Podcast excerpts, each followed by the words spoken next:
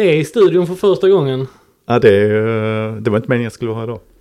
Nej, nej det blev lite, lite kalabalik. Eh, Stackars Johannes, han har ju varit eh, på sjukbädden. Mm.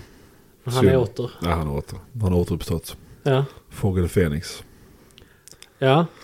Ja, så kan man tänka. Så kan man tänka.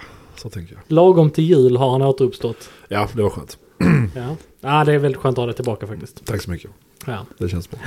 Vi har ju spenderat, eh, eller spelat in de senaste två avsnitten bara du och jag Jocke.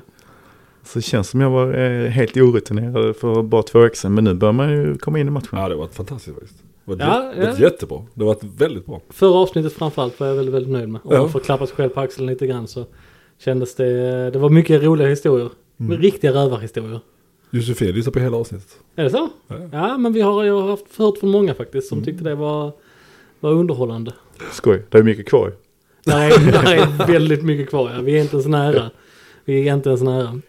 Men ehm, nu är nästan året över. Eh, det här är, det är årets sista avsnitt på Bakom ratten. Mm. Eh, och eh, vi ska ju hålla lite ledighet i mellandagarna. Eller jag ska i alla fall. Tänkte jag. Så ni får klara er. Vi klarar Eh, så idag tänkte vi prata lite grann om eh, marknaden framöver tror jag. Är väl tanken. Spännande. Ja. Vad vi tror om 2024. mm. Spä- Jättespännande. Ja, det var kul att alla är involverade. Ja men det, det är, jag, jag vill inte kasta mig ut. Jag är alltid snabb på att ta bollen annars. Men eh, jag, eh, om jag får börja och säga så tror jag att 2024 blir ett väldigt spännande år. För det är väldigt många ovissheter i marknaden. Mm. Ehm, och eh, ja, vi har ju hur som helst bakom oss en väldigt, väldigt lång uppgång Mm. av både klassiska bilar men även nya bilar som liksom tradas på otroligt höga nivåer. Ja, verkligen. Och um, den marknaden har, ju, marknaden har ju verkligen utvecklats på ett positivt sätt eh, i alla riktningar. Och sen är det ju frågan då om, om den är inför en avkylning på något sätt. Eller om Mm. den liksom kommer att stabilisera sig och ligga kvar. Eller om den möjligtvis kan liksom puffa upp lite till. Mm. Och jag tror faktiskt i vissa lägen att vissa bilar kan puffa upp. Alltså vi jobbar ju mycket med, med inköp och, och kollar liksom på bilar som vi blir erbjudna och så vidare. Och sen i vissa fall så är det lite för trånga affärer för att vi ska kunna. Även om vi gillar bilarna så är det lite för, det är lite för tunt för att investera pengarna för att Såklart. bara liksom göra en affär och komma vidare. Men, men om man ser till de som vill njuta och ha sina bilar så är det nog en väldigt intressant eh, investeringsmöjlighet i, i många bilar liksom. Mm. Och eh, vi snackade faktiskt precis lite innan här på morgonen till kaffet. Mm. Där vi snackade lite om utvecklingen på, för att ta ett exempel, en 991.2 Turbo S. Mm. Alltså från 2016 till 18, ja, 15, sent 15 med 16 modell Mm. fram till 18. Eh, den var aktuell där ju. Så, och den bilen, om man spesar den liksom häftigt och så hade man lite, lite ja, nå- någon form av lite rabatt. Då var det svårt att få en sån bil kostat 2 miljoner. Mm. Och idag är vi på 991, 992 Turbo S. Ja. Eh, och gör man likadant idag, det är inte lika lätt med rabatterna idag, eh, eller vad ska jag säga, li, li, lite extra pengar hos Porsche-centren som de stöter till med. Men, men det är ju lätt att få en bil kosta 3 miljoner då. ja, definitivt. Alltså en Eh. Turbo S idag. Det är, jag skulle säga nästan tvärtom. Det är nästan svårt att inte få dem till att kosta 3 miljoner. Ja, faktiskt. Mm. Eh, ja, i, förvisso i grund så kostar den ju 2 6. 2,6 ja. Ja. Och sen så 400 extra utrustning i den, då, då är det en bra spesare liksom. Mm. Så man, man, man kan hamna under 3 miljoner absolut. Men det är ju, ja om man köper en bil för 2,8 så har man fortfarande inte så mycket pengar kvar av de tre Nej. som man hade med Nej, sig. nej, visst. Så Nej, skillnaden är stor där från, eh, på nypriserna. Det är, det är ju solklart. Ja. Det det. Och det, det intressanta är då liksom, ja det kommer, kommer en ny turbo här som blir presenterad om kanske ett år, ett och ett halvt. Ja, jag tänker nu till ja, nästa höst kanske. Som vi Mm. tittar på 992.2 turbo. Ja, man har, man har redan sett lite spionbilder och annat liksom och så börjar man snacka lite hybridvarianter. Eh, massa mer tyngd, eh, massa mer hästkrafter. Mm. Okej, vad händer med den gamla? Blir den alltid lika het som, alltid, som tidigare liksom i alla Mm. modeller liksom? Alltså, om man säger 991 då så är det ju faktiskt en väldigt het bil Jag, fortfarande. jag tror ju att både 991.2 turbo och 992.1 turbo eh, kan ju stå alltså på sikt lite grann inför eh, med samma status som 993 Turbo. Att det är liksom någonstans den sista på en era innan det blir hybrid. Eh, för det blir det. Det är ju bara fakta. Det blir ju hybrid i nästa, nästa iteration liksom. Mm. Eh, och jag tror att om man tittar på alltså man, 15 år så kommer man titta tillbaka på de bilderna som jävlar det var Mm. the one to have. Och jag menar det är ju ingen, ingen här i det här rummet. Eh, vi har ju aldrig, alla suttit i en Turbo S med Joakim. Och, och liksom ringt försäkringsbolaget. Mm. Eh, nej men, men det, det, är ju, det är ju inte en, en bil som behöver mer behöver mer på något sätt. Det är ju en fruktansvärt snabb bil. Eh, och det är klart att den blir ju ännu snabbare. Man kastar i 200 hästar till med ett eh, hybridbatteri. men behövs det? Är det rätt utveckling? Mm. Det, det är i alla fall väldigt spännande och det är svårt att sätta finger på och givetvis hade det varit väldigt effektivt om man haft en kristallkula för att veta precis om man skulle eftersom vi har både ett stort intresse i bilarna men vi Mm. försöker även bedriva en daglig verksamhet där vi köper och säljer och, och coachar och guidar våra kunder. Eh, vi har ju väldigt många kunder i huset som är våra trogna Mm. kunder som, som, som förlägger mycket affärer hos oss. Där vi får liksom mandat och förtroende att göra mycket affärer. Och där försöker vi ju alltid efter bästa förmåga liksom, ja men försöka liksom stötta dem i sina investeringar och, och de Mm. bilarna de köper. Och det är ju jätteroligt att få det. Och det har ju tagit många år att komma dit. Alltså Mm. att vi, innan vi är där liksom. Men, det blir spännande att se inför 2024 liksom hur, hur man ska hantera det liksom. Och, Mm. alla de här bilarna som står nu. Alltså man kan ju säga så att det, det är en långsammare säsong för oss nu när man är mitten december. Och Mm. av de 13 åren som jag har varit igång så har det alltid varit så. Att det klingar alltid av lite när september, oktober månad kommer. Och sen sista veckan, februari, tredje Mm. veckan februari brukar jag säga. Första solen tittar upp. Mm. Alltså det blir bara helt crazy. Då bara vaknar alla liksom. Mm. Och, då, och sen går det en månad, sen har du inga cabbar kvar. Och så tänker man så, varför köpte jag inte in lite fler cabbar? Varför hittade jag inte lite fler, fler cabbar? Men i det stora hela så, så tror jag bara att man, man eh, det, det blir liksom en, en spännande eh, tid att se an eh, vad som 2024 kommer att innebära. Mm. Och, och mycket idag är tilldelning på bilar. Hur mycket bilar kommer Porsche kunna leverera liksom? Mm. Hur mycket 911 kommer det? Och nu vet vi ju alla att det sista året, ett och ett halvt, har det ju exporterats enormt mycket bilar Mm. ut ur Sverige. Jag hade någon statistiksiffra som, som jag fick via någon handlarkollega som sa att det var 377 bilar ut ur landet varje dag. Under, och det var inte så länge sedan jag hörde den siffran. Nej. Wow. Och det är låter ganska mycket. Ja. Ja, det är ganska mycket. Jag vet inte hur många som kommer in, men jag tror inte det är 377 som kommer in om dagen. Nej, definitivt Alltså inte. möjligtvis om man tar alla, allt annat. Som, men men eh, det är väldigt mycket bilar ut och det är ju liksom inte Kiorna som försvinner utan det är, det är liksom oftast eh, High Society-bilarna som, som! Prosit. Prosit. Covid på gång. Jag hann, jag hann ställa ner min mikrofon innan. Men i alla fall. Men, eh, det handlar, Eh, handlar väl också om att vi eh, som litet land får en väldigt hög tilldelning av de här bilarna. Ju. mm, Och det är väl också att vi lever på eh, gamla traditioner. Att vi eh, ja, men har, har eh, fått så bra tilldelning. Eh, men just det där med 991 eh, turbo och eh, alltså både punkt 1 och punkt 2. Ehm, där är det också som du sa, man har spesat en sån lite, lite, lite läckert. För de bilarna märker man ju att de är ju... Ehm, de, de, de kommer nog folk tycka om ännu mer. För jag menar om man kollar på 992 Turbo S-spesarna så har ju ändå folk blivit ganska mycket bättre. Det finns ju mer bilar.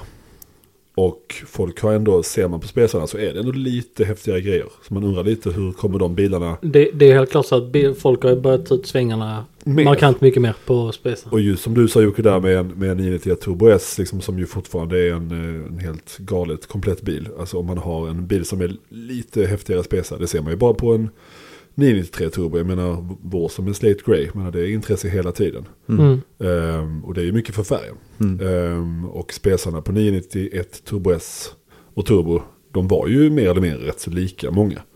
Ehm, och och där, där tror jag det är nog jävligt bra. För som ni sa innan, det är ju en helvete stor skillnad i pengar. Om man ser idag, en 7, en 8 Mm. om man jämför med en 992 Turbo S. Så att där, mycket mer billigare tror jag inte de kommer bli alltså. Nej, det är jag helt övertygad om. Alltså det- och det- speciellt, speciellt punkt tvåorna tror jag att eh, Ja, där, där har vi nog hittat en nivå de ska ligga på. ja. Och där Mm. de, jag tror kanske inte de kommer att sticka väldigt mycket Nej, nej, men- väldigt snart. Men jag tror att, att det är en väldigt stabil bil att sätta sig i. Ja. Eh, Absolut. Oavsett vilken man väljer. Mm. Så. Det råder ju en form av hierarki hela vägen igenom. Alltså som en prisbild. Om man börjar liksom på 50, 70 och 100 000 och tar gamla Cayenner som är lite halvdana från 03. Vilket kanske är den billigaste Porschen du kan köpa idag. Den Ja. tillsammans med 924 och 944 Mm. som är lite halvdassiga. Och även 928. Men från de där 100 och sen man ser en he- hel axel igenom hela vägen upp till 3 miljoner så finns det ju Porsche över hela axeln liksom. Mm. 200-300 000 996 och eh, fy- 400 000. Sen kommer 500 000 kommer det 997 och 67800 då börjar det 996 Turbus, Mm. 997 4S och eh, 89 1 miljon. Så har vi då eh, ja, men vet, hela vägen upp så kan du egentligen följa bilarna liksom. Och det är ju Mm. det som borgar lite för när man investerar i en Porsche liksom. Varför kostar den här bilen här? Jo för du har liksom en, en hel prisbild. Du har en hel graf liksom. Mm. Eh, och du vet när du tar en, då, en 996 turbo som idag kostar väldigt mycket pengar liksom. Och som har ökat väldigt mycket. Och varför har den gjort det? Jo för att det är en superpotent bil. Mm. Den har varit lite, lite bortglömd och eh, jag ska säga att folk har liksom lite trängt undan hur fin den bilen egentligen är. Alltså jag, jag rosade den sist vi talade om den liksom. Ja, definitivt. jag tycker det är en magisk bil och, och jag tror framförallt om, om jag får gissa på en bil som kommer att göra en positiv utveckling under 2024 så är det faktiskt 996 Turbo. Mm. Alltså jag, absolut. Jag tänkte precis säga det. Eh, och jag, eller jag tänkte på det redan innan när vi snackade dagens tema. Att, att jag skulle säga bre- breda 996 eh, Så att vi även inkluderar 4S. Det finns Eh, inga till salu typ. nej, de, är, de är few and far between helt klart. Eh, men jag tror vi bara är förbi den fasen där den har fel framlampor och, och hela den biten. Det är, så jag, jag tycker de åldras så jäkla fint. Jag tycker det är en fruktansvärt snygg bil idag alltså. Men ska vi inte säga det så de som tyckte att den hade fel framlampor. Mm. Det var egentligen alla de som ägde bilar. Jag har ägt jättemånga Mm. 996 Mm. Turbo framförallt. Och G3 och RS.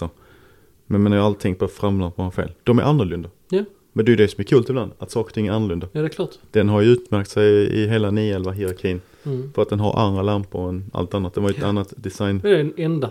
Ja. Liksom. Och jag tycker idag att den har, alltså jag snackade precis med en kund på morgonen här nu som är för övrigt en god vän som ringde på en av våra 96 Turbos och frågade är det en bra bil eh, och så vidare och så vidare. Och eh, han sa att ja, men, han är mer på en 96 Turbo än vad han är på en 92 Turbo. Han tycker 96 Turbon är coolare. Ja, det tycker jag också. 997 turbon var ju aldrig, det är lite som 993 turbon kontra 964 turbon. Att 993 turbon var ju aldrig nere. Den var ju liksom ändå, det gick ju ner en bit men den blev aldrig ute. Och 997 turbon var väl nästan så att den var ju aldrig riktigt, kanske en, tip, en Tiptronic eller en automatare då ju. Ehm, men den gick ju aldrig ner jättemycket. Den var ju aldrig i det snacket som 996 turbon hamnade i. Och det var väl för att inredningen i 997 turbon var mer liksom klassisk. Den hade snälla framlampor som var runda. Eh, den var mer rätt från, från, från början. Medan 996 turbon led ju av att den hade fel inredning. Den hade liksom... Och sen så då börjar man komma på att vänta här nu. Det är Metzger-motor. Den, är, den är fortfarande snabb. Det är väl när man får de här liksom... Ja men... Vad är det? 560 i en Turbo S 991.1. är det inte det? Turbo S.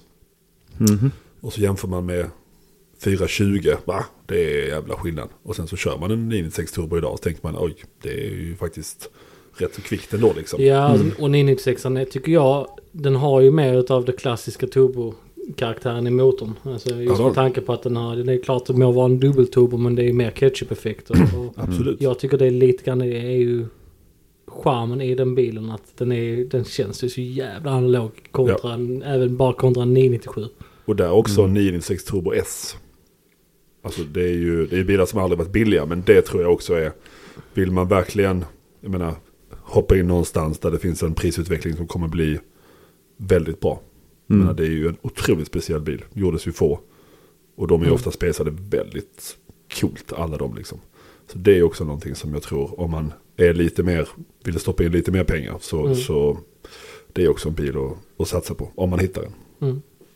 Man kan säga så att prisskillnaden mellan en, eller en massa hästkrafterna mellan 96 Turbo 420 till en, en 91 Turbo S Gen 1 560. De är många.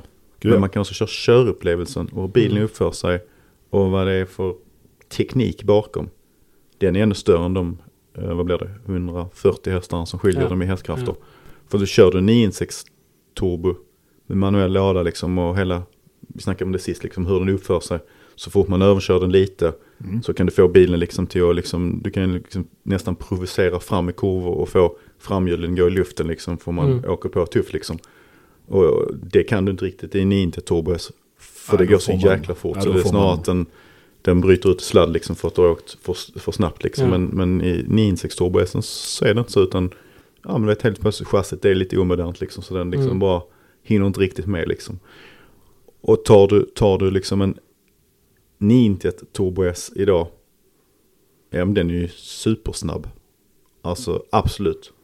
Men känslan är ju inte så att den liksom. Alltså jag upplever nästan när du åker 996 Turbo att du är liksom mer man of the machine. Mm. När du åker den liksom att du verkligen kör den och du är mer delaktig i det hela. Det är mer aktiv körning med framförallt en manuellt petade bilar liksom. Automat går bort helt för mig. Men, men eh, ta- tar du en PDK Turbo S liksom. Ja men min mormor kunde köra den på 0 till 100 under 3 sekunder liksom. Det är Mm. inga konstigheter. Det är liksom bara foten på bromsen och så full gas. Eh, och så har du helt plötsligt någonting som heter under Som, 3 man, säger- sekunder. som man säger till sin mormor. Foten på bromsen. så Ja, full ja. gas. ja, precis. Ja men det är, gal, det är en galen utveckling Och- som har varit där. Och så är det ju inte riktigt med Turbo S. Eller med, med en Inti 6 Turbo förlåt. Nej, Eh, nej. Där, är det liksom, där måste du ändå liksom köra aktivt. Och, Den måste rattas ju. Och jag tycker nog att, att skillnaden är där också att 991 är ju eh, där 911 tog ett steg in och blir mer GT-bil.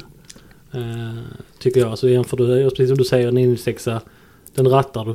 Du känner att du kör den. Du Mm. måste vara liksom on your game om du ska köra den ordentligt. Eh, Medan en 991 lever ganska så glatt i, i höga hastigheter som en GT-bil. Eh, på ett sätt som en 996 kanske inte gör. Eh, och det har ju såklart du mer erfarenhet än någon annan här inne. Eh, men, eh, men det är min uppfattning i alla fall. Ja men så är det absolut. Mm. Så Men- absolut. Sen också eh, det här med fel framlampor och så. Jag menar, hitta en fin 996 GT3 MK2 idag. Det är ju också någonting som är intressant. Om man vill ha en bil som är, behöver inte vara en bil man ska köra bana med, men vilken jävla trevlig bil också. Ja det är ju en, en 380 hästar, liksom, fantastisk körupplevelse. 8000 varv. Ehm, Det är ju också en bil tror jag som är... Men där, där får jag nästan flicka in. Alltså en turbo är ju så satans användbart. ja, ja, Mm. absolut. Alltså, jag har haft, jag vet inte hur många gånger jag har haft en GT3 eller en, eh, en RS i stående i gage liksom. Första två veckorna använder det aktivt. Sen när man ska åka liksom vanlig trafik och alltså med vanliga vägar liksom, Mm. med vanlig körning. Då är ju en 96 GT3, alltså en GT3 överlag, är ju, alltså man kan inte säga så, men den är ju inte kass. Men allting är ju jobbigt i den. du måste upp För att jag menar, alla människor är i vägen på vägarna. Mm. Alla åker för långsamt i kurvorna. Alltså i förhållandevis till hur jag vill åka liksom. Det är allting bara jobbigt liksom. Alltså jag får ju bromsa hur mycket som helst för liksom det är bilar vägen och så. Där är turbon så jäkla fin. För då åker man liksom sitt lugna, behagliga. Man hämtar barn från eh, skolor och dagis och vad än det var- må vara. Och, och sen när tillfället kommer. Ja, då kan man åka aktivt med bil Mm. liksom.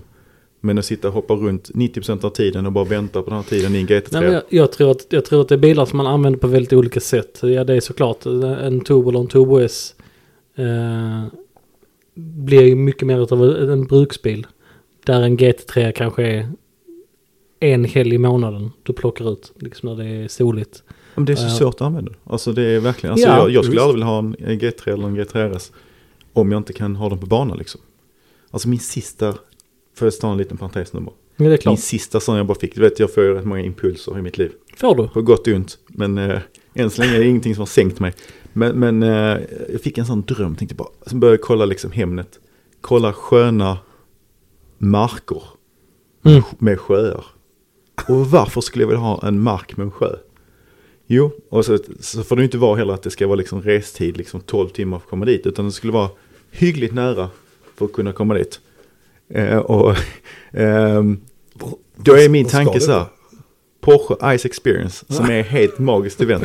Så tänkte jag bara så här, jag köper eh, mark eh, med en sjö. Ja. Och så givetvis kan det inte vara Skåne för där fryser det aldrig is. Då får Mm. jag ha liksom en sån doppvärmare som, som kyler, kyler sjön liksom. Så jag får ner temperaturen så det fryser. Ja. Men vet, tänk att ha när man har en liten stuga med en sån sjö sidan om. Och så har du bara ett garage med ut en fyra, fem Porsche. Mm. Preppade med sån här eh, isdäck som de har Perfekt. 400 dubb per däck och så är de ju, de är ju lite mer utestående de där dubben som sitter de där rallydäcken Mm, liksom. mm.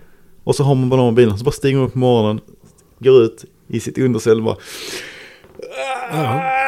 Titta höger, titta vänster, där kommer Björn där och ja, Mm. man ser dammet på sjön håller på att lägga sig liksom Mm. efter eh, någonting som har dansat över sjön liksom. Mm. Och så bara backar du ut en av Porscharna, drar ut på eh, en sjö liksom och så bara ligger du och bara kör åtta liksom och sen så, ja nu är det dags för lunch. In, parkerar den bilen och sen efter lunch får vi ta nästa bil. Mm. Det är ju en grej som, som faktiskt var en sån grej. Tänk om jag hade vunnit på Lotto liksom och bara Bara kört det. Alltså Ja. bara, det är min grej liksom. Så om du ringer mig från, eh, från Lotto eller Triss så ska jag göra en sån reklamfilm. Mm. Så kan man säga så vi, vi kör det här konceptet. Det är ju tur. Smal marknad, men ja, jag fattar. Ja, nej, det, det hade verkligen varit en, en dröm. Tänk så, Eh. alltså, så galet det är. Alltså, Mm. vet, för det, eh, när man kör de här Porsche Ice Experience, du börjar ju ganska försiktigt. Man kommer dit på eventet och ja, men fantastiskt många trevliga människor och de som håller är, är väldigt professionella. Och sen så hoppar du ut i bilarna och så får du oftast åka med någon instruktör först. Mm. Och när man sitter i den här bilen och åker med dem så tänker man, håll käften vad de kör alltså. Mm. Det är helt sjukt liksom. Kommer aldrig kunna göra själv. Ja, jag kommer aldrig kunna lösa det själv liksom. Och sen går det då liksom i, mm, ja du vet, det går ett par timmar liksom bakom spakarna. Och så inser man bara, så, men gör jag så här? Mm. För det, det egentligen bara, handlar om bara en, en ren handling för att få upp farten liksom Mm. och göra rätt moment. Och det är lite bakvänt, framförallt när man ska få bilen.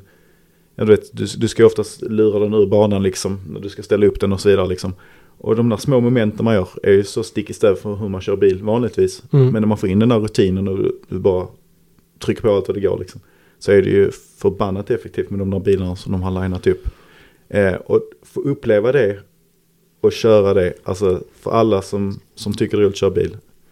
Testa det. Du, Alltså, du var på det i vintras va? Vinters var jag. Ja. Eh, Jag skulle varit där i vinter också men tyvärr fanns det inte detta året utan det var inställt. Okej. Jag var alltså där vintern innan liksom. Och det är magiskt roligt. Mm. Alltså jag har fått fina förmånen och var inbjuden av eh, Magnus på Porsche. Eh, Mm. Och göra det faktiskt tillsammans med honom så det var en, en fantastisk upplevelse. Eh, och både jag och Magnus hade ju eh, fantastiska moments. Jag tror, inte, jag tror inte jag skrattar så mycket på ett helt år sammanlagt som jag gör Mm. när jag sitter i en sån bil. Nej. Och det är ju liksom det för man sitter och tittar jäkligt mycket ut genom höger och vänster utan när vi kör liksom. Mm. Eh, och det är, inte, det är inte optimalt för man ska helst inte ha så mycket eh, Men rattvind. det, det måste ju vara svårt att liksom åka, Ja. åka på där och liksom inte ställa upp mer än nödvändigt. Liksom. Ja, pro- problematiken är att man, man, man, man, går, man kliver på lite mer kanske. Man åker lite fortare än, än, än vad, vad det tillåter och då blir Mm. det lite att du får lite mer vinkel. Mm. Men det är ju så förbannat roligt liksom. Och du vet, då när man tappar bilen i 100-120 så har de ju pluggat upp där i spåret man åker liksom. Men någon gång kommer man lite snabbt så hittar man ju inte riktigt in i spåret. Mm. Och när man kliver ut i, i, i snön där sidan om så smäller det till sig in i baljen liksom. Och det är klart på allmän väg så hade det varit en kantsten eller ett träd liksom. Och då hade du inte fortsatt turen liksom. Men här är det bara så här, bara li, lite om, off-pist. om, det hade varit en, om det hade varit en kantsten Joakim. Hade Ja, det jag har varit, prövat någon sån. ja, det blir, eh, Stade alla i- i ja. historien igen. Ny, Ja, haft ny julinställning. Någon annan bil som också har Ja. Men någon sån det är häftigt då, jag menar eh, just att kombinera snö med något annat än kanske skidåkning. Alltså det är väl, det är väl ett jättefint koncept. Jag menar när jag åk- åkte upp till, till fjällen och kanske bara kört skoter och inte åkt skidor. Tänker man ju så här, gud det här kommer vara skittråkigt. Nej, det är rätt så roligt. Så jag förstår ju verkligen just det där med att man tar på sig och tänker att ah, men nu ska jag åka skidor. Och så ska man göra någonting annat. Det, Ja. det, alltså så, jag, jag förstår att det är någonting som, jag vet, inte, jag, jag vet inte hur ofta jag kollar på det klippet med, det är ett jättegammalt Drive-avsnitt när Chris Harris är uppe med Richard Tuthill eh, på en sjö någonstans. Och det ser ju, men Jocke, tyvärr så är det ju i Skåne, men, men min kära mor har ju en sjö. Men det är ju väldigt sällan som den, den, eh, den fryser så pass så vi kan trycka ut några Ska, till. ska vi ge Joakim en doppvärmare i julklapp kanske? Och grejen är att det finns ju liksom... Doppkylare. Doppkylare. Det finns ju en eh, ganska bra eh, alltså, båtisättningsplats också. Men det är bara frågan hur bra det fryser där liksom. Ja. Ja, det är ju ingenting Ja, man det- vill lära sig the hard way. Den liksom. tanken slog mig givetvis också. Givetvis med det här med att eh, när man ska bege sig ut på sjön och så. För det blir ju en, en, en, en, kär, en kär sak blir ju ganska eh, gott ett, eller ganska lätt ett eh, sista minne. Mm. Om man eh, plumsar igenom sjön där liksom en Ja, bil. det liksom. är- Och tydligen är det ju hyggligt svårt. Alltså jag, det var inte så länge sedan jag tänkte på det här. Om man på något konstigt sätt lyckas köra ut i vattnet. Mm. Likt några kära, eller det var, det var ju två ynglingar i, de var, de var inte så unga, men det var ju två stycken i Malmö som precis Mm. lyckades med det när de var ute och Mm. lekte. Eh, ute i Malmö hamn, Mm. lyckades köra av. Och de, de hittades tyvärr i Malmö hamn på botten sittandes i bilarna liksom. De har ju inte kommit ut liksom. Eh, och, och det är ju förmodligen fruktansvärt svårt. Och, alltså dels blir man gripen lite av panik. Så de första sekunderna som är kanske de viktigaste. Mm. De, de hajar man inte riktigt vad man ska göra liksom. Men det är ju jäkligt sjukt att de inte har kommit ut ur bilarna liksom. Ja men det är ju att du har allt tryck från vattnet utanför. Det är ju... Ja men den, den, den sjunker inte på en sekund bilen. Den lär stå. Ja men den kommer nog ner rätt långt ändå. Den kommer nog ner längre än vad man tänker. Direkt. Ja, jag tror det. Garage 11 Ice Experience. Det, det, Ja, det är, Välkomna 2024. det är en, Nej, jag, tänk, jag tänkte bara på det, alltså, och, och framförallt så var det väl någon, eh, om det var ett år eller två år sedan, som hade kört just rally på någon sjö, som Mm. också hade lyckats med samma sak. Att isen hade brustit och, och bilen hade gått ner under liksom. Och de strök också med om jag minns rätt. Mm. Eh, så att det, det är inte helt ofarligt även på en sjö liksom. Men det, är- det är därför, desto, desto längre du har åkat till den här sjön som du Mm. har köpt, desto bättre är det oftast. För jag menar uppåt landet så är det ju oftast Jag, jäkligt jag kallt. röstar för en, eh, för en alternativ lösning. Japp. Mm. Eh, kan vi inte bara sätta vattenspridare på parkeringen? Jo. Eh, och sen så frysa det. Och så kör vi Ice Experience på parkeringen. Vi har en rätt stor Mm. parkeringsplats. Mm. Perfekt. Jag fick lite känslan i, i, nu i, i, vi hade ju någon snö här. Ja vi fick, vi- vi får Åkte du med inte- Cayenne när jag... Ja, ja visst. Gud Ja. om jag gjorde. Ja. Ja. Mm. Eh, nej, men vi, har, vi får inte mycket snö här nere. Men, men vi fick ju en, en period i, för någon vecka sedan. Eh, och vi skulle åka på lunch. Och det står det snö på parkeringen. Eh, och den, det var ju tvungen att, att testas liksom lite grann hur den 2023 års Cayenne. Eh, 24 ager- till och med. 24 till och med. Agerar under eh, ökat gaspådrag med rattutslag. Gick bra. Eh, ja. Eh, och det gick bra faktiskt. Den, den agerar rätt så fint. Det jag kände mig mest stolt över där det var att mitt under piruetterna runt vår eh, runda eh, rabatt där.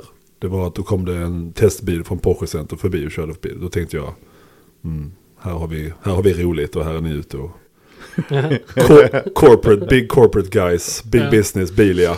ja.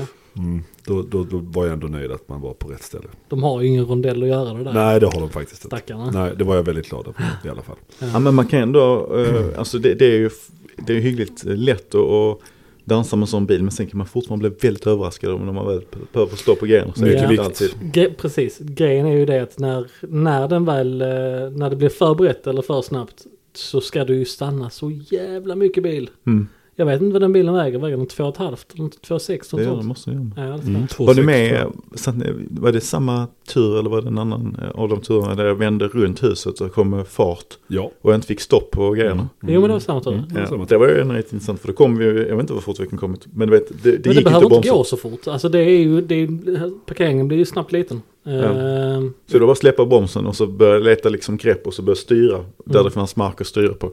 Och hur långt åkte vi Mm. utan att kunna stanna? Mm. Nej, Ganska men, långt. Och, och där är det ju, där är det absolut jobbigaste med fyr- fyrhjulsdrivna bilar. Mm.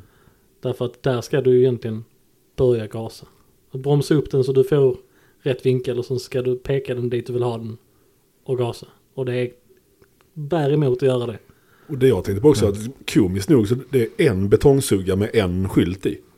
Ja, den och den, den är så jävla konstig för den, den är man så, det känns som att den har en magnet i sig. Alltså man bara så här, den kommer vi inte komma nära. Nej. Mm. Jag satt ju på högersidan och tänkte, fan men nu kommer vi jättenära den. Fast den trodde jag inte skulle vara med i bilden ens. Nej. Det är som så man ser på vissa YouTube-klipp så här, är någon glad amerikan i en Mustang typ är på en parkering och så är det en Det är lyktstolpe. Det är en lyktstolpe. Och sen bara så här, den träffar han inte. Så, ju jävlar träffade den alltså, helt sjukt. Den satt. Nej men det satt bara så här, hur kunde den söka upp den? Det är som dart. Ja, Ja, men visst. typ. Bullseye. Ja det är Ja, verkligen. verkligen, verkligen. Ja, nej. ehm, det tycker jag vi satsar på. Jättebra. Islägga parkeringen och så kör vi här inne istället. Perfekt, det blir jättebra det. Ja. Men ehm, Vad, är, vad är dina förhoppningar för eh, 2024 Johannes? äh, rent personligt eller bilmässigt?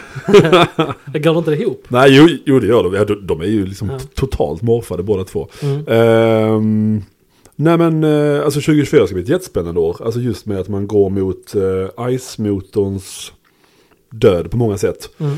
Och se hur många märken, vad det är de väljer att lägga sin liksom, vikt på. Hur många eh, bilar får man till som kommer vara med bara förbränningsmotor. Alltså man ser M3-or, eh, Mm. Mersor. ehm, för många trattar ju ner det och låter många bilar bli hybrider eller till och med elbilar bara för att kunna ha kvar Mm. ehm, sin liksom ehm, sin, sitt, sitt S liksom i, i rockärmen och bara se hur de bilarna blir. Och hur ointressanta de andra bilarna blir. Så att visst är det en intressant eh, utveckling såklart. Mm. Ehm, och det är också de grejerna som gör de äldre bilarna till unika.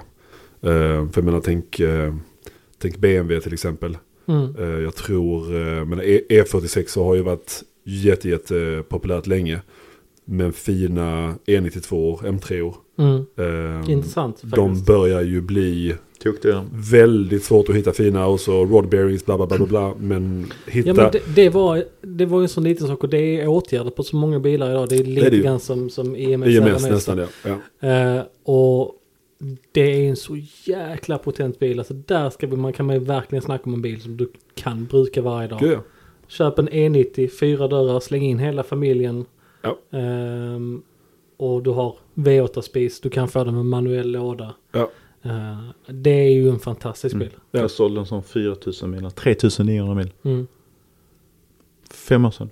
Mm. 360. Ja. Ja, Under just- 4000 mil, manuell låda. Ja. L- LC, alltså facelift. En Ja. 11.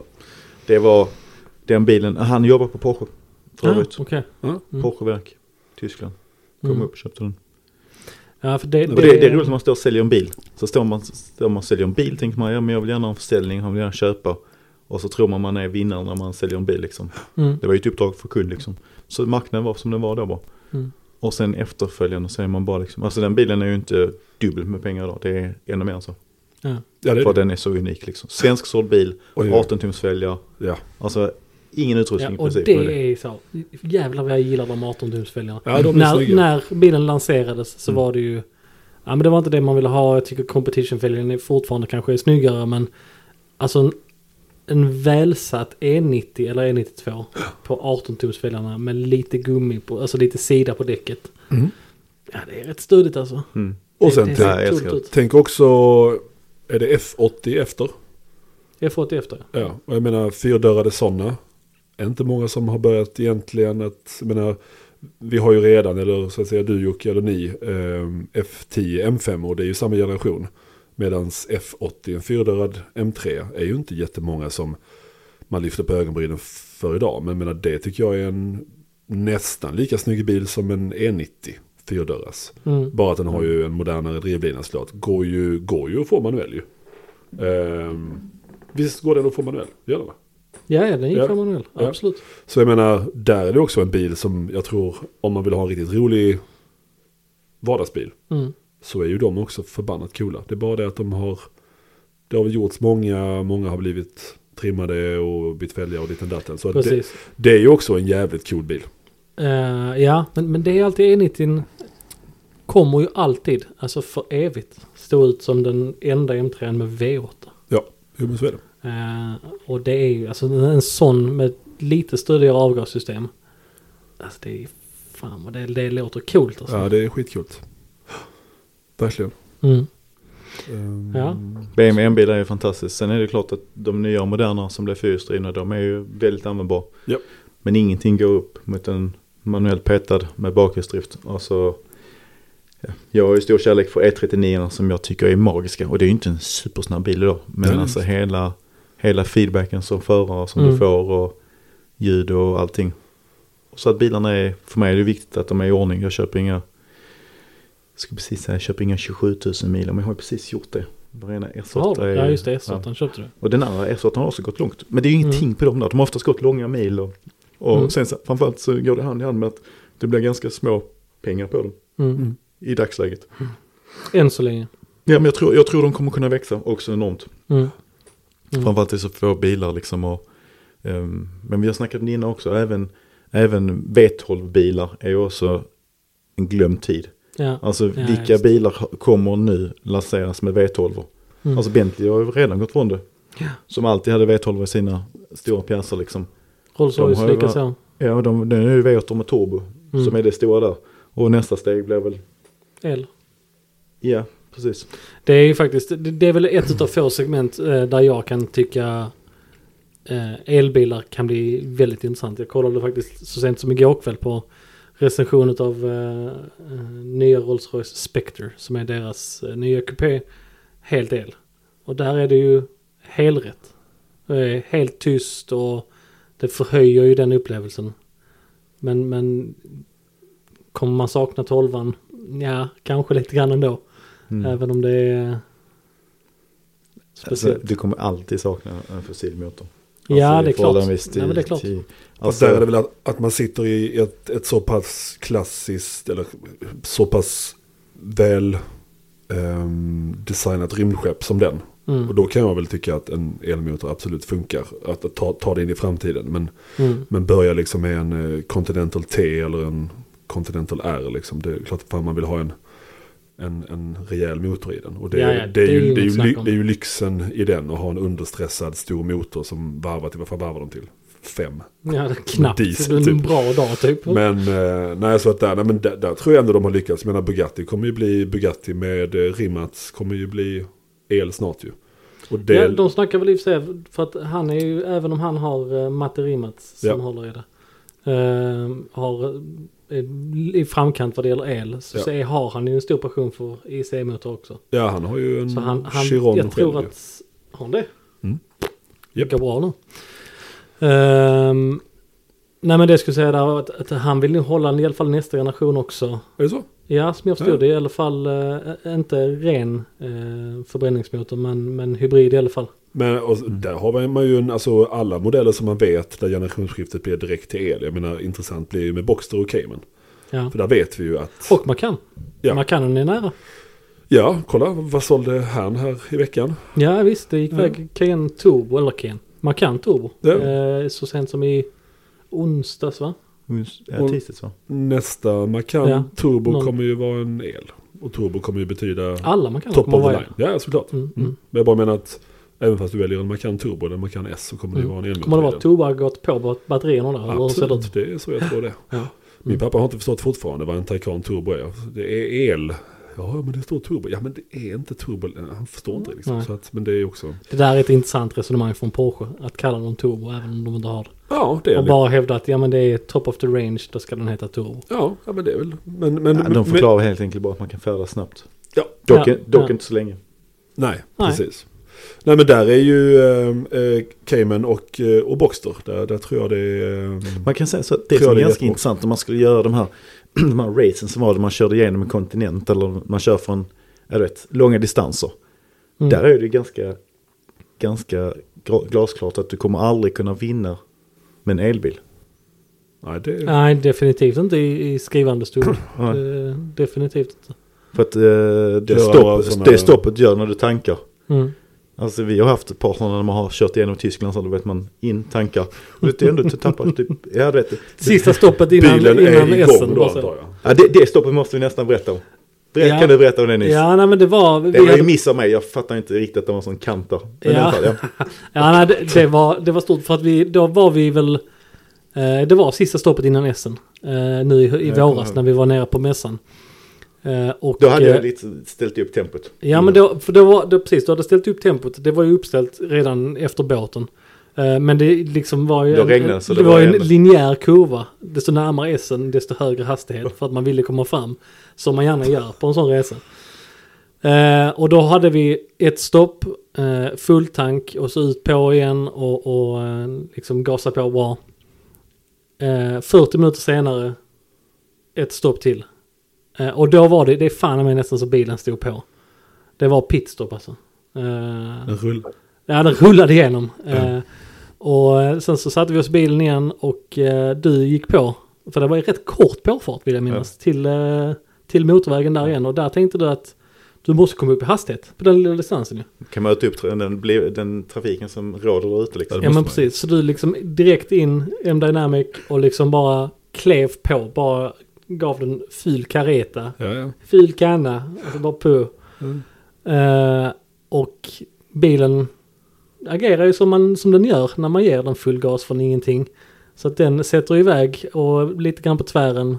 Eh, men det du liksom inte riktigt missar där är att en, är en asfaltskarv eller någon, någonting eh, som bilen går över. ute på avfarten. Så vi har ju Ja, redan, du hade fått sätta upp tempot redan. Det var över 100 i alla fall tror jag. Tror du det? Ja, det Ja, var det. ja. Alltså det small till ordentligt.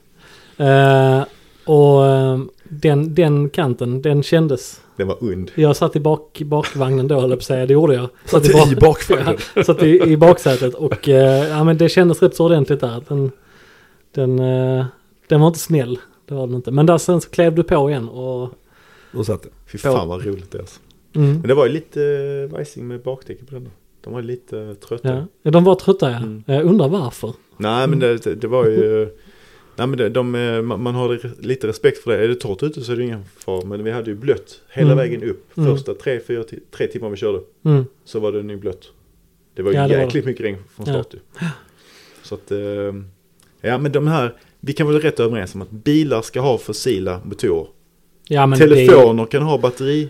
batteri. jag, jag skulle till och med formulera det så här att bilar har fossil, fossilt bränsle. Mm. Verktyg kan vara eldrivna. Ja. Ja, men så är det. Men alltså när en bil blir en appliance, ehm, och det, dit, dit kommer vi väl. Och, och det, för mig är det helt fine. Bara, bara Det, som, det som skrämmer lite mest det är ju alla de här, alltså det, allt det här som snackas fossilfritt. 2030 var det ju någonting som hette innan, det har de väl lite lagt ner nu men Det nu snackar man ju gjort. 2050 att det ska liksom, inga fossila bränslen ska finnas 2050 liksom. Mm, men det, nu har de flyttat fram, jag menar England hade ju 20, 2030. Och de har flyttat fram till 2035. Och det, ja, men det, det, det kommer ju vara lugnt. Men, men det är bara det att det kommer kanske kosta lite mer och, och, och tanka bara. Men, men det där kommer det där kommer nog vara vår livstid. Eh, det är väl mer kanske för dina barn Jocke till, till exempel. Liksom att det blir annorlunda sen. Men, men eh, som sagt, bara vi får, eh, bara man kan tanka under 50 spänn liten så tror jag att det är Ja, och det tror jag vi kommer kunna göra. För att alltså det är ju, jag är ju en stor förespråkare utav eh, alltså det, förnybar bensin egentligen. Som Mm. Porsche är vä- väldigt mycket framkant på att ta fram Syntetisk. syntetiska bränslen. Ja. Eh, redan idag, så det finns ju. Ja, och Eh, Carrera Cup och Le Mans, alla, de Kör Porsche kör ju Eh, alla, och alla jag är ju, alltså jag, jag tror ju att det är framtiden. Att, att vi kommer, det kommer finnas på pumpen. Eh, sen vad det kommer kosta, det kan man alltid spekulera i. Men det är ju för jag att att- hålla flottan igång. Det är ju inte för att... ehm, för Ja, att fast frågan är om det är det. Alltså, det. Det beror också på utvecklingen för elbilar och där tror jag att någonstans kommer världen komma till insikt att ska vi ha barn i Centralafrika till att bryta mineraler för att vi ska kunna göra batterier. Så är, det känns väl sådär kanske. Där Eh, och sen jag så ska det det, skeppas med en oljetanker över halva jorden som ju för att bygga en bil och sen så ska bilen skeppas tillbaka till andra sidan jorden.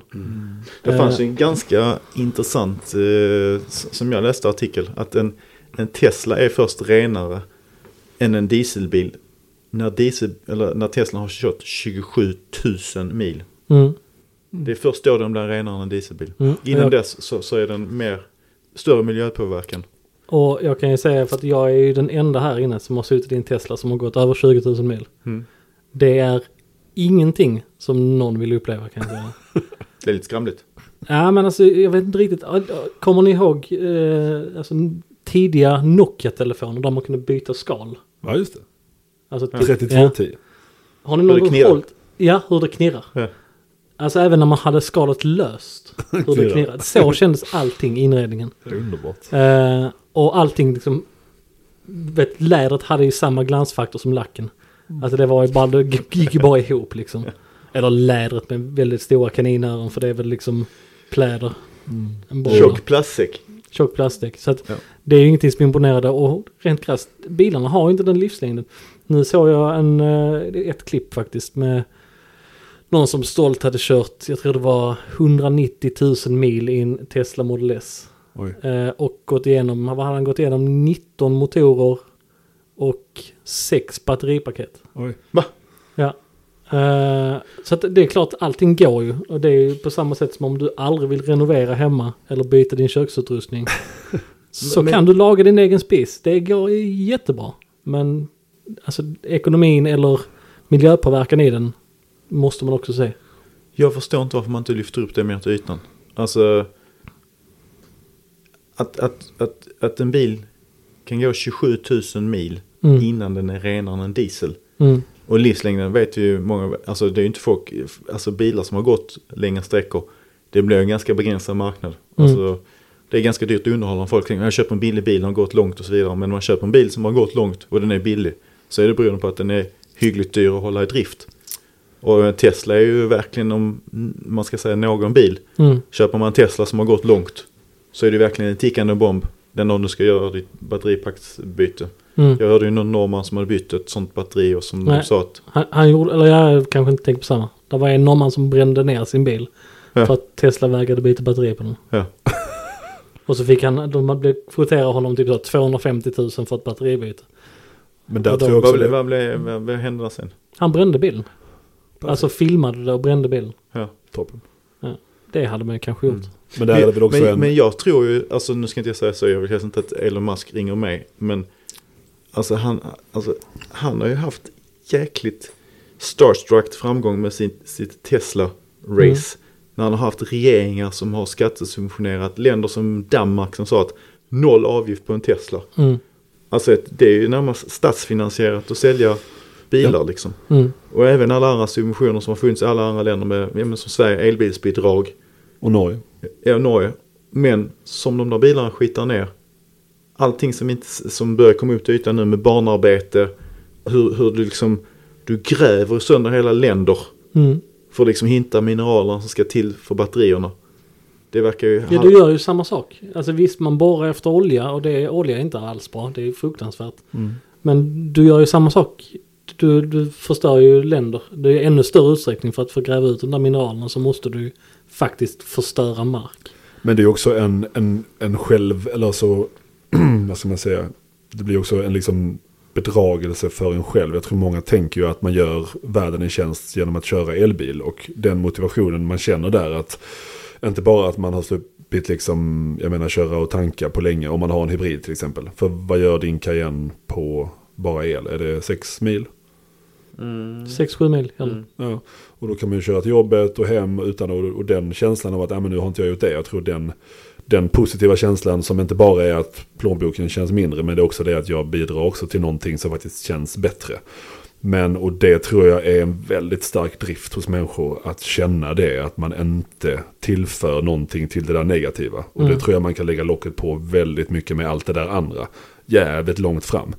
Och sen så också att demokratiseringen av elbilar har ju inte skett än. Visst det finns små elbilar som ju är okej. men det finns ju ännu inte någon som är liksom under 400-500 000 som går långt liksom. Det kommer ju ändå bli en, en utjämning. Jag menar det som elbilar. Men jag tänker stora elsuvar.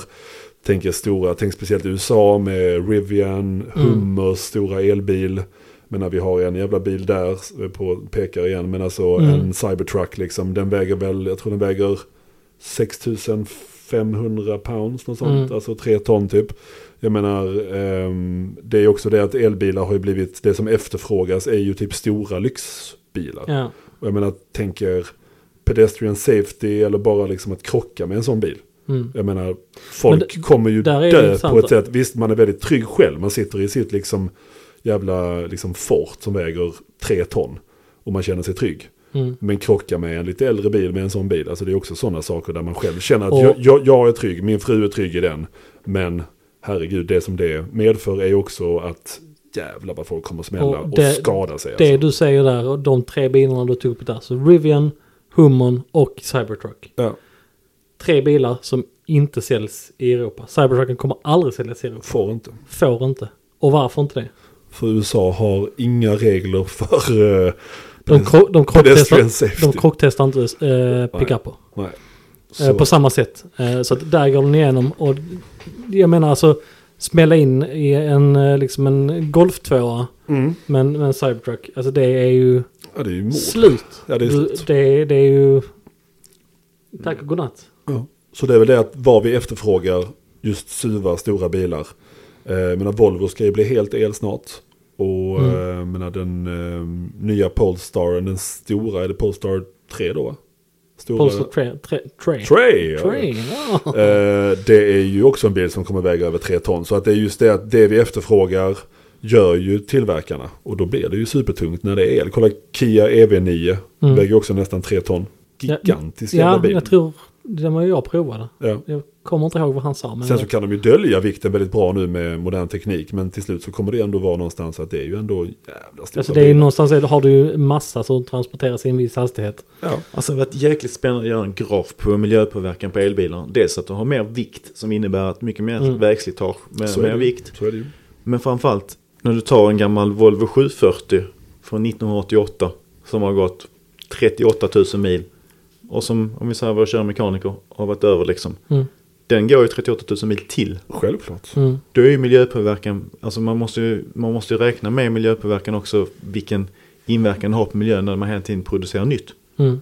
Det är ju som det handlar om. begagnat, begagnat är begagnat. Det är producerat en gång, miljöpåverkan har varit. Precis. Och så blir det bytt liksom procentuellt genom bilens resterande livslängd så är det ju små, små procentsatser Gud, ja. Av nya delar som tillkommer i form av eh, eh, uppdatering och, och eh, eh, skifte av delar som bromsbelägg och däck och, och det. Mm. Men det är ju fortfarande, stora hela är bilen fortfarande densamma som byggdes. Gud, ja.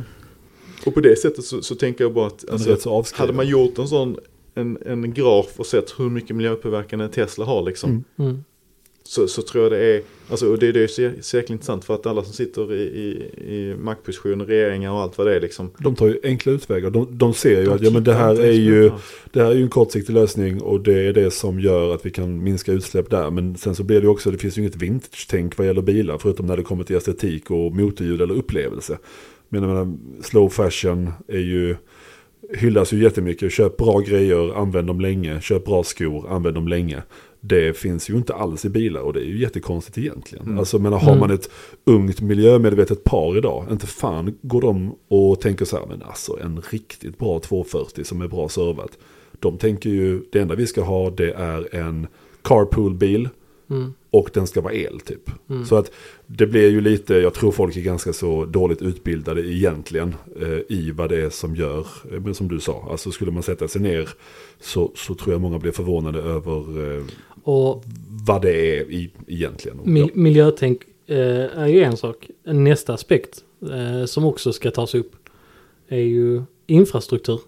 Ja, Idag har alla länder, eller i alla fall alla i-länder, eller mycket av världen, en infrastruktur som stö- stödjer förbränningsmotorer och allt vad det innebär med mackar och, och liksom hela den biten med tankar och hej vad det är liksom.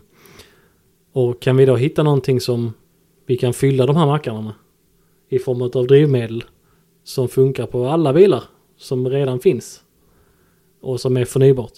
Det är ju den långsiktiga lösningen. Mm.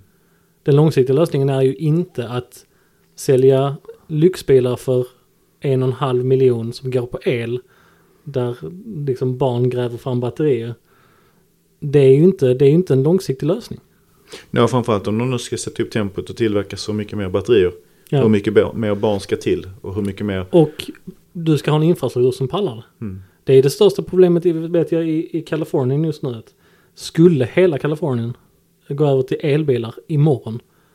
Eller liksom om fem år. Du har inte en infrastruktur. Elnätet klarar inte det. Du kan inte ladda bilarna. ja, jag förstår. Och, och samma sak liksom i, i det fall att du får ett, ett långvarigt strömavbrott. Och liksom är en, en stor del av populationen kanske måste fly eller vad det nu kan vara. Och du liksom bilarna inte kan bli laddade. Vad gör du då? Ja, visst är det så. Men eh, är ni eh, taggade på någon? För jag är ändå sådär, alltså Boxster Cayman Porsche. Det är ändå en Det- bil som jag kommer, eh, den, det, det är det där- bilar som kommer vara intressanta att se. det ska bli kul att se hur, hur de tas emot. Jag menar Macanen, den är jag ju inte, den är jag inte, alltså gud den där kommer ju sälja som smör. Det är, en, Det är men inga alltså, konstigheter. Nej, nej, nej. Det där kommer ju vara, den kommer vara snygg, den kommer vara lite futuristisk, det kommer vara någon form av Taycan möter Macan liksom. Det där kommer bli hur bra som helst. Mm. Men just att se hur Boxton, dels se hur vikten blir, om de kan hålla den kanske runt 1600-1700 kilo. Kanske. Jag tror det är svårt. Alltså, tänk också, det hade de nog kunnat göra om vi hade, alltså om de hade kört typ en kolfibermonokock och hela Ja. den biten. Men jag tror att de måste ju hålla priset nere på den bilen. Ja. Jag tror inte vi ser den 1800 bilen. kanske. Jag tror inte vi ser den bilen under två ton. Tror du? Nej, jag tror inte det. Oj. Hel el. Nej, Ja. kanske inte. Jag hoppas att du har rätt. Men den, Verkligen. den ska ändå bli lite småspännande eh, att se. Och sen så kommer ju, eh, jag menar ni vet ju själva, båda två vet ju att eh, 918s ersättare kommer ju vara en helt el. Eh, Ja, det råder väl lite delade meningar om det. 918s ersättare. Ja. Huruvida det är eldrivet eller nej, det bensindrivet. blir el, jag är Mm. helt säker. Jag tror inte att det blir någon form av bensin alls i den. Nej. Nej. Vilket är synd. Jag tror framförallt att tror det kommer påverka också värdeutvecklingen. Alltså, Tänk om någon, alltså elbilen är ju på något sätt att den blir liksom lite utdaterad med ny teknik. så är det, Alltså en fossil bil, alltså där, den, den är mer som en bra vin. Alltså även om den Ja. är gammal och performance inte är samma. Ja. Så är det inte wow wow liksom. Men vem tycker det är roligt att sätta sig i en... Ja, men vem tycker det är roligt med en iPhone generation 1? Alltså, vintage. Vintage. det här är grymt. Alltså, Ja. ja. men det kostar Minns du segt det var Det där? kostar Och- tio gånger pe- pengar än vad det kostar något nytt liksom. Nej så är det ju. Men tänk om någon, för jag menar, tänk senaste Holy Trinity vi hade då, McLaren P1, 918, LaFerrari. Um, där är det ju speciellt eh, många P1 som inte vågar användas. För att där är det ju eh, batterier som kostar hur mycket som helst. Peter har jättestort problem med det. Ja. De är ur garantin nu och jättemycket batteriproblem. Exakt. Och 918 är ju, eller du sa P1 va? Ja. ja. Och 918 börjar ju bli lite sådär, men där tydligen så är Porsche bättre. Eh, LaFerrari är rätt så chill för det är ju mer eller mindre, alltså den går ju, den går bara på backen på el va? Du kan inte köra den, Du, ja, du kan men det är, Den- är typ 3 km timmen framåt. ja precis framåt ja. Så att LaFerrari är väl lite mer lugn där. Ehm, men jag menar det är också någonting som- kommer göra att Men prisutvecklingen på där dem. är ju en lite intressant grej där. Är ju att eh, SP3 ja. är ju en LaFerrari i, i grund och botten. ja det är sant, de har redan Utan De har redan gått tillbaka. Det Utan eldriften. så- Ja. Eh, Men tänk också då, Porsche, jag är rätt säker på att det blir, eh, vad fan hette det? Mission X? Heter det Mission X. ja. det? Ja, det var ju en väldigt snygg bil, det ser ut som en gammal 9- 917 Mm. nästan. Så skulle man fått inbjudan till att köpa. Just det, skulle man. Eh, Men tänk om någon av de McLaren eller Ferrari då faktiskt gör en eh, Ice-bil till. Så man får alltså en Holy Trinity som inte ens har samma typ av drivmedel. För det skulle ju kunna vara så. För jag menar Ferrari, de skyltar ju nu med som vi pratade om i någon podd att eh, 812ans ersättare skulle kanske kunna komma med en manuell växellåda. Ja, det hade ju varit helt Och det är ju, eh, det hade ju varit en vinst för entusiaster som ju är helt gigantisk. Alltså Mm. Ferrari har inte gjort en manuell låda sen California i sista. Nej, California är sista bilen. Ja. Så jag menar det, där är det ju liksom, det är ju som när Porsche gjorde 991 GT3.1 och, och vissa av eh, de som inte bara var track rats bara, men jag kommer aldrig köpa Porsche igen. Och Porsche direkt lyssnade. Medan Ferrari har ju bara totalt, nej nej nej. Mm. Alltså det, där, det här kommer vi inte göra. Mm. Så att, och sen så också att, liksom, att Ferrari och McLaren har ju inte visat sina sådana här eh, hyperbilar än. Nej. Och Porsche har gjort det. Så det är också en väldigt spännande eh, tid. Och samtidigt då så visar ju... Där är ju i och för sig, man har börjat se spion, eh, spionklipp och sånt på, på Ferraris eh, nya också. Ja, men man vet inte exakt vad det kommer vara liksom. Och samtidigt så gör Pagani Utopia kommer finnas med manuell låda. Mm. Eh, vilket ju är skitcoolt. Jag, tror, jag tror att nu är vi, alltså de kommande kanske fem åren, Mm, är så kommer vi få se mycket sådana hyll, sprätt och- ja, hyllningsbilar. Att nu är det liksom the last of the last. Alltså, ja, T50 är också ett bra exempel på det. Manuell V12. ja. Eh, Bara för att vi fortfarande kan. Och jag tror att många kommer att tänka så på de limiterade grejerna. Eh, alltså ja, och de, de sålde ju slut liksom. De gjorde exakt så många som de gjorde F1. 100, vad är det, 100, vi- 106. 106. Och de säljer dem så. Mm. Och men LaFerrari när den visades, den såldes ju inte slut direkt. Och, alltså det var några kvar sägs det. Och jag Okej. menar, tänk nu. Jag menar, om de 9 tänker... 918 hade ju problem. Ja, det var ju till och med så Chris Harry fick, fick äta upp det. Han hade ju en Ja. t-shirt, förlåt. Jag, Jo, jo, men det tog ju lång tid innan de ja, gud ja, men de skulle också göra 918 stycken. Ja. Medan de gjorde, var det 350 490 P1? 499 eller Ferrari i alla fall. Ja, ja. Så jag menar, och sen så finns det då liksom Gordon Hur- Harris. Hur många Enso finns det? Eh, 399. 400. ja, plus en, påven fick han. Ja. Okej. Men hur många finns det Då kvar? får jag lägga till en liten story här. Ja. Eh, det det, måste här kommer från Martin Nelson. Jag tror inte han blir av med jobbet fast jag berättade. Men han var nere på fabriken i tillfället att tillverka Enson. När du, när du berättar sådana här historier så är det väldigt viktigt, viktigt att du är nära mikrofonen. det Okej, höra. Eh, men eh, han är nere på fabriken eh, under produktion av dåvarande Ferrari Enzo. Eh, där det är en bil som är inne i, i eh, någon form av lackbox eller på, ja, den står liksom i Och så sitter det alltid en sheet, en bild sheet. Mm. Alltså vet, vad, vad ska bilen ha och så vidare. Och så är det alltså en markering med ett nummer som heter 476. Och så går Martin fram och frågar, det är numret där liksom, är inte det bilens, eh, alltså vet, är det inte produktionsnumret? Serienumret, Och han som följer runt där, han bara, liksom, bara vilket språk snackar du? Jag fattar ingenting. Vet, på italienska bara så, Mm. ryster på huvudet liksom. Ja. Eh, Och så går de vidare liksom. Det vill han inte riktigt svara på liksom. Men det finns fler än 399 Ja, definitivt. eh, Ensos om du frågar eh, Martin Nelson. Ja. Eh, eh, och, och det är egentligen rätt. Det är egentligen galet. Men, det- men jag menar, Var de numrerade eller var det bara one-off? Står det, står det one-off? nej, Fy- nej. ingenting tror jag. Jo, där står, där står One Ja. of 399 men det står Ja. inte vilken bil det är. Okej. Det är ju det, det är, nu ska vi se, vi är väldigt på tunn is. Vi är till, inte tillräckligt stora än för att Ferrari ska ringa oss imorgon. Men, men eh, det är väl Ferraris lösning på att tillverka så många bilar som de tycker. de Ja, men jag tror att man tänkte så här, 399, nu har vi jävlar i det tagit i. Ja, Och sen Mm. bara liksom, vad fan här 399 gick lätt liksom. Och vi har hur många beställningar till? det är klart. Keep on going! Ja, det är klart. Mm. Bil, och så- bil 399 finns många gånger. Ja, Tjocksteffes delades ju i två. Den lever ju fortfarande. Så ja, det- så där är det två till. Ja, det är två det är så de resonerar. Har vi en framvagn? Ja, har vi en bak? Ja, då har vi två bilar. Perfekt. Nej men så det tycker jag känns jättespännande med vad de här större märkena, för de blir ju ändå påverkade, det ser man ju bara. Jag menar, jag kan se det typ på en, eh, men ta en 992 Turbo S, jag menar Aero-kittet idag. Det tycker jag ju är någonting som nästan känns som att de motar eftermarknaden. Att vi vill erbjuda någonting som ser ut som något form av Tech Art, Warsteiner-aktigt. Eh, Tycker du? Ja, det tycker jag. Mm. Eh, Så att det finns, alltså jag menar de större tillverkarna, det känns ju som att de verkligen, de, de ser ju vad är det för butikit som säljer på andra håll. Mm. Och nu, nu ska vi fan med erbjuda det också. Och jag menar när små, små, små företag som då, menar, GMA, eh, Gordon Murray, att, att de kan göra en manuell låda. Menar kommer Ferrari med en manuell låda nu, då tycker jag det är en jävla vinst för, ja dels för entusiaster, men också en vinst för att, att biltillverkare börjar faktiskt tillverka det som kunder efterfrågar och kanske det som de vill göra själva också. För jag menar hur många sitter det inte på Ferrari som skulle vilja ha en öppen kuliss igen. Mm. Så att det är lite det där liksom så, vänta nu, nu tillverkar vi det vi vill. Ja. Eh, och inte bara det liksom att alla vill ha flappy paddles liksom. Alla vet ju att det är jätteeffektivt, men, Det är men varför skulle inte båda sakerna kunna finnas? Så Mm. att, Jag vill säga så här, känslan i en 812 med flappy paddles.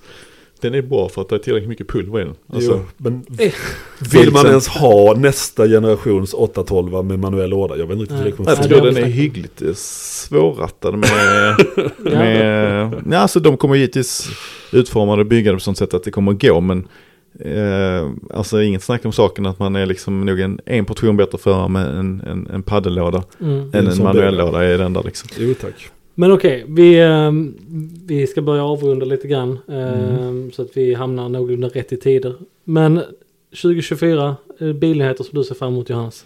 Ehm, Boxster, Cayman kanske? Ja, alltså när den visas så kommer jag nog tycka att det kommer vara rätt så intressant. Bara se Mm. hur det tas emot. Sen så kanske det inte kommer vara någon bil för mig liksom.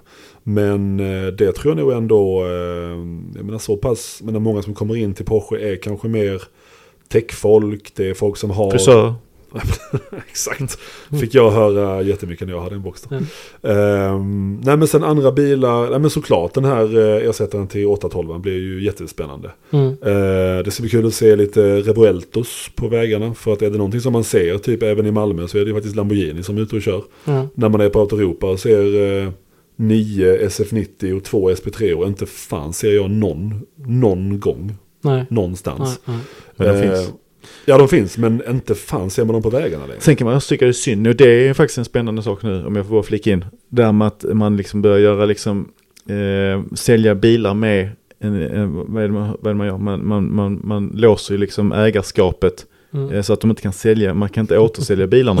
eh, men jag menar många bilar som blir sålda idag, ta Lamborghini, ta Porsche, ta Ferrari, säljs ju som bil, till liksom kunder som köper sjukt många bilar och har det som en, men som en side business Mm. och bara vänder Rakt runt av. de här bilarna. Mm. De använder inte bilarna. Nej. Det kan jag tycka är roligt för att om man nu gör det på det sättet eh, som, som de här tillverkarna har tänkt att man låser liksom ägarskapet och man kan inte trada bilen på ett år eller två. Då förmodligen kommer det mattas ner ganska mycket och ta bort alla de här övervärdena Så att du inte kan liksom sälja en bil. Vilken var det Nils? Dyrare är än list price. Är det kompetitionen som man hyr? Nej, vilken var det man hyr? Ja men det är Eh, många, ST. som har, ST. många som har infört det. ST är det ja. Ja, ST, Mm. Porsches ST gör det så. Och det, det tycker jag någonstans att sälj bilarna till de som använder dem. De Mm. som bara ställer in dem i ett garage och inte använder dem liksom. Det är ju helt ointressant.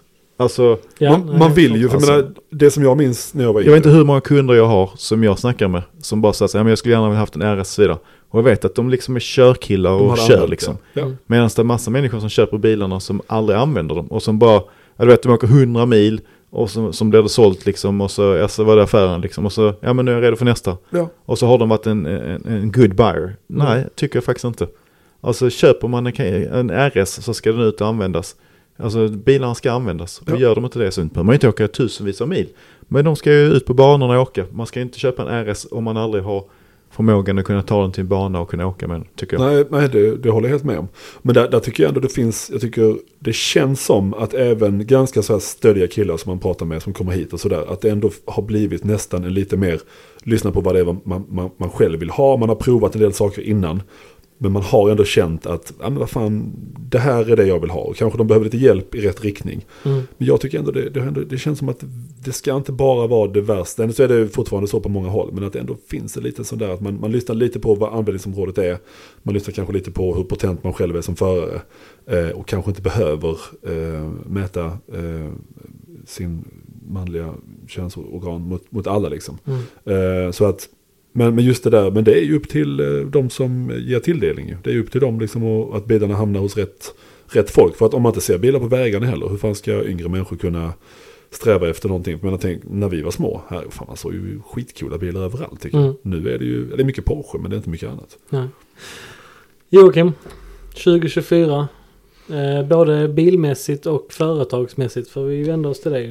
Ja. Uff, en kort utläggning på den. Eh, ja men alltså 2024 är en jätte, jätte, jättespännande år. Vi har ju en målsättning om att eh, öka upp vårt eh, bilinnehav Mm. eh, ytterligare. Inte riktigt med 100% men en 70-80% bilar till Mm. under 2024. Och det blir en spännande utmaning eh, som vi ska mantra. Eh, vi är igång och sätter igång vår verkstad på riktigt. Vi har Ja. ju det svåraste med att bygga en verkstad är att hitta rätt medarbetare. Eh, Alltid. Alltid. där är vi på bra gång tycker jag. Vi har eh, flera starka namn som snart blir kända eh, i den verkstaden som kommer att sätta oss ett, på ett av kartan. dem kan vi väl göra känt. Vi har ju anställt en, en mekaniker faktiskt. Ja, men vi håller det lugnt. Ja, Det, det får vara ett spännande. Han kanske kan komma in och ja absolut. absolut. välja ett par eh, val, väl valda ord i, på den här. Absolut. Och sen har vi även eh, våran rekord som vi har, ja men vi har skött den bra hela vägen igenom men det har inte varit lätt för oss. Eh, där är vi också på gång nu och satsa ännu mer pengar och etablera oss ännu hårdare liksom och, och ja, vi vi vill få ett helhetsgrepp om, om alltihopa så vi liksom Mm. kan kontrollera allting själv.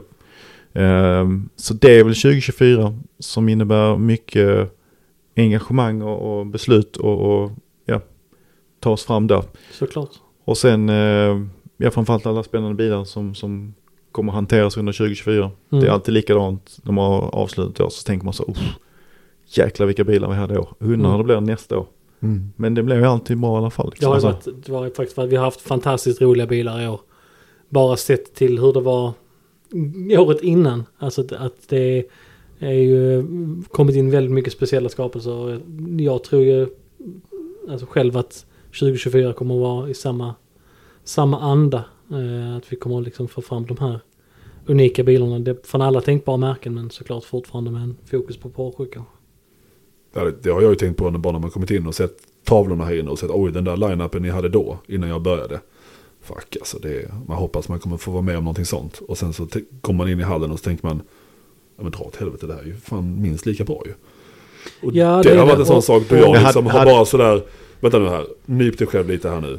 Vänta, där har vi den och där har vi det och där har vi det. Det här är ju ännu mer, det här vidden på detta är ju ännu bättre än det där. Och sen så, så att den där oron med att ah, nu säljer vi den, fan jag kommer sakna den alltså. Och den kommer, mm, den, den rollen som den bilen hade där, den kommer inte jag kunna få in igen. Och sen så dyker det upp någonting som bara sätter sig ännu bättre. Och Ja. det, det är en sån lyx att ha så att det är helt otroligt. Det är fantastiskt. Mm.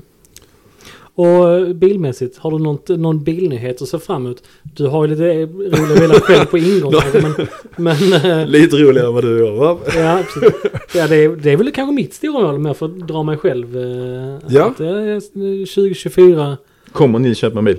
Nils kommer köpa en bil. Fuck. Ja, jag kommer ju tvinga dig. Ja, och det, det är det jag... Därför jag är kvar här, höll jag säga. Nej men, nej, men det, det, jag behöver ju Men det. blir ingen alfa kan vi avslöja. Alltså Men Du jag, har redan en alfa. ja, fast det, det, det kanske blir en alfa till. Nej, det blir det inte. Nej, det, Nu blir det dålig stämning. det blir dålig stämning direkt. Nej, men det, det, det är väl mitt mål, mitt privata mål att, att jag ska kunna hoppa in i någonting som man kan köra lite oftare än vad jag kan köra alfan. Den Mm. är ju rätt så hårig. Eh, och Men jag var det inte som när du köpte den att du skulle använda den ganska frekvent och åka och... Eh, Ja, jag tror- jag vill inte svara på det faktiskt. Jag tror jag aldrig har sett dig i den bilen. Ja, ja, du har aldrig ens tittat på den. Vet du ens var den står? Ja, man kan inte missa den. Ja. Nej, men, men eh, så att hitta någonting som man kan köra med frekvent, det är mitt mål. Och, En 928. Automatlåda. Ja, vit. ja, vit. nej, eh, nej, och, och sen så för företaget, eh, eh, mitt mål där är väl kanske att, att vi går in lite grann mer på video. Mm. I alla utsträckningar. Och lägger fokus på det. Ja, det är mycket, jag har ju mycket där att lära men kan vara ganska kul att, att hoppa in i. Så det är mitt mål. eh, och, Där eh, kan jag säga bara bland de bästa, nu ska man ju såklart inte bara, men, alltså man ska ju vara i framkant och inte apa efter. Men, men ehm, eh, företaget DK Engineering i England, deras genomgångar av vissa bilar, eh, bara med små, ehm, små gömda funktioner och grejer. Det är bland, Väldigt intressant. Det är bland det bästa. Ja, ja. Som, och det med har jag tänkt deras, faktiskt att vi kanske deras ska... siffror på det, det är också en sån grej där man inte har massa stora jävla thumbnails. Det är inte massa oh I sold my car and it broke bla bla bla. Utan det är bara så. Här går vi igenom, visst vi går igenom en CLK GTR. Men, men alltså det finns så mycket bilar där, där folk har en egen uppfattning om någonting och man kan inte jättemycket själv. Och folk Nej, behöver ha man, en Du kommer röst. nära en bil på ett sätt som du På ett helt annat inte kommer sätt. att kunna göra. Sen så kanske det är tidskrävande såklart ju, men det tror jag verkligen. För att få ihop liksom entusiaster, eh, potentiella bilköpare, eh, så behöver folk utbildas. Mm. Och folk är inte jättebra på att utbilda sig själva. Mm. Alla är inte så liksom att doppa tån i en, vara en liten fisk i en stor sjö. Det klarar inte alla liksom. Och, och då behöver folk ha ett medium där man faktiskt får den infon. Typ, typ som Mm. detta också är. Mm. Eh, för mina, mina vänner som jag har pratat med som jag inte ens visste lyssnade på den här podden. Bara, vad fan sitter jag och kollar på gamla Audi S8 för? Mm. Det är ni era jävla idioter. Vad fan? Vadå 996? Och det hade jag för fan 2005. Vad fan jag vill inte ha en sån igen. It's all coming back. Ja, precis. Jag menar, det, är liksom, det blir ju en sån liten röst i bakhuvudet. Så är det. Ehm, Så det. det kan jag gilla. Ehm, nej men vi, vi har ju ett jätteroligt år framför oss. Mm, det är så spännande. eh, Men video gläder jag mig mycket åt. Och även om du säger att du känner dig lite nervis på det arbetet så vet jag att allt du sätter dig för blir du duktig på. Ja, Så ja, att jag är riktigt med. taggad på det, ehm, det är mycket tid som ska till det, men, men jag tror det kan vara värt det. Mm. Men jag tror med, med det så sätter vi punkt för året. Mm. Eh, för att nästa vecka så är det, blir det inget avsnitt. Nej, då får folk vara julfeta. Och, Ja, jag framförallt. ja, jag, Ska, med. ska ligga liksom jag har redan börjat. framåt, stupa sidoläge. Det är nog säga. 40, Nej, 40, Fireball! 40 skinkmackor som jag har det, ätit. det kan bli innan. fireball. Jag har ett bröllop i mellandagarna också. Oh, fan. kan bli stökigt som sören. Men då är Eh. nästa, nästa podd då alltså eh, 2024. 2024, januari, Mm. eh, kör vi igen. Eh, och då blir eh, då ska du vara på semester, gode glans. Så att det blir du och jag, Dream Team igen. Ja. Ja, Ja. åter. ja. Mm. Ja. Ehm, ha en fantastiskt god jul. eh, Och Både till år. er och till våra kära lyssnare och gott nytt år på er. God Så- jul och gott nytt år till alla. Ses vi på andra sidan helt enkelt. Hero. Hejdå! Ciao ciao!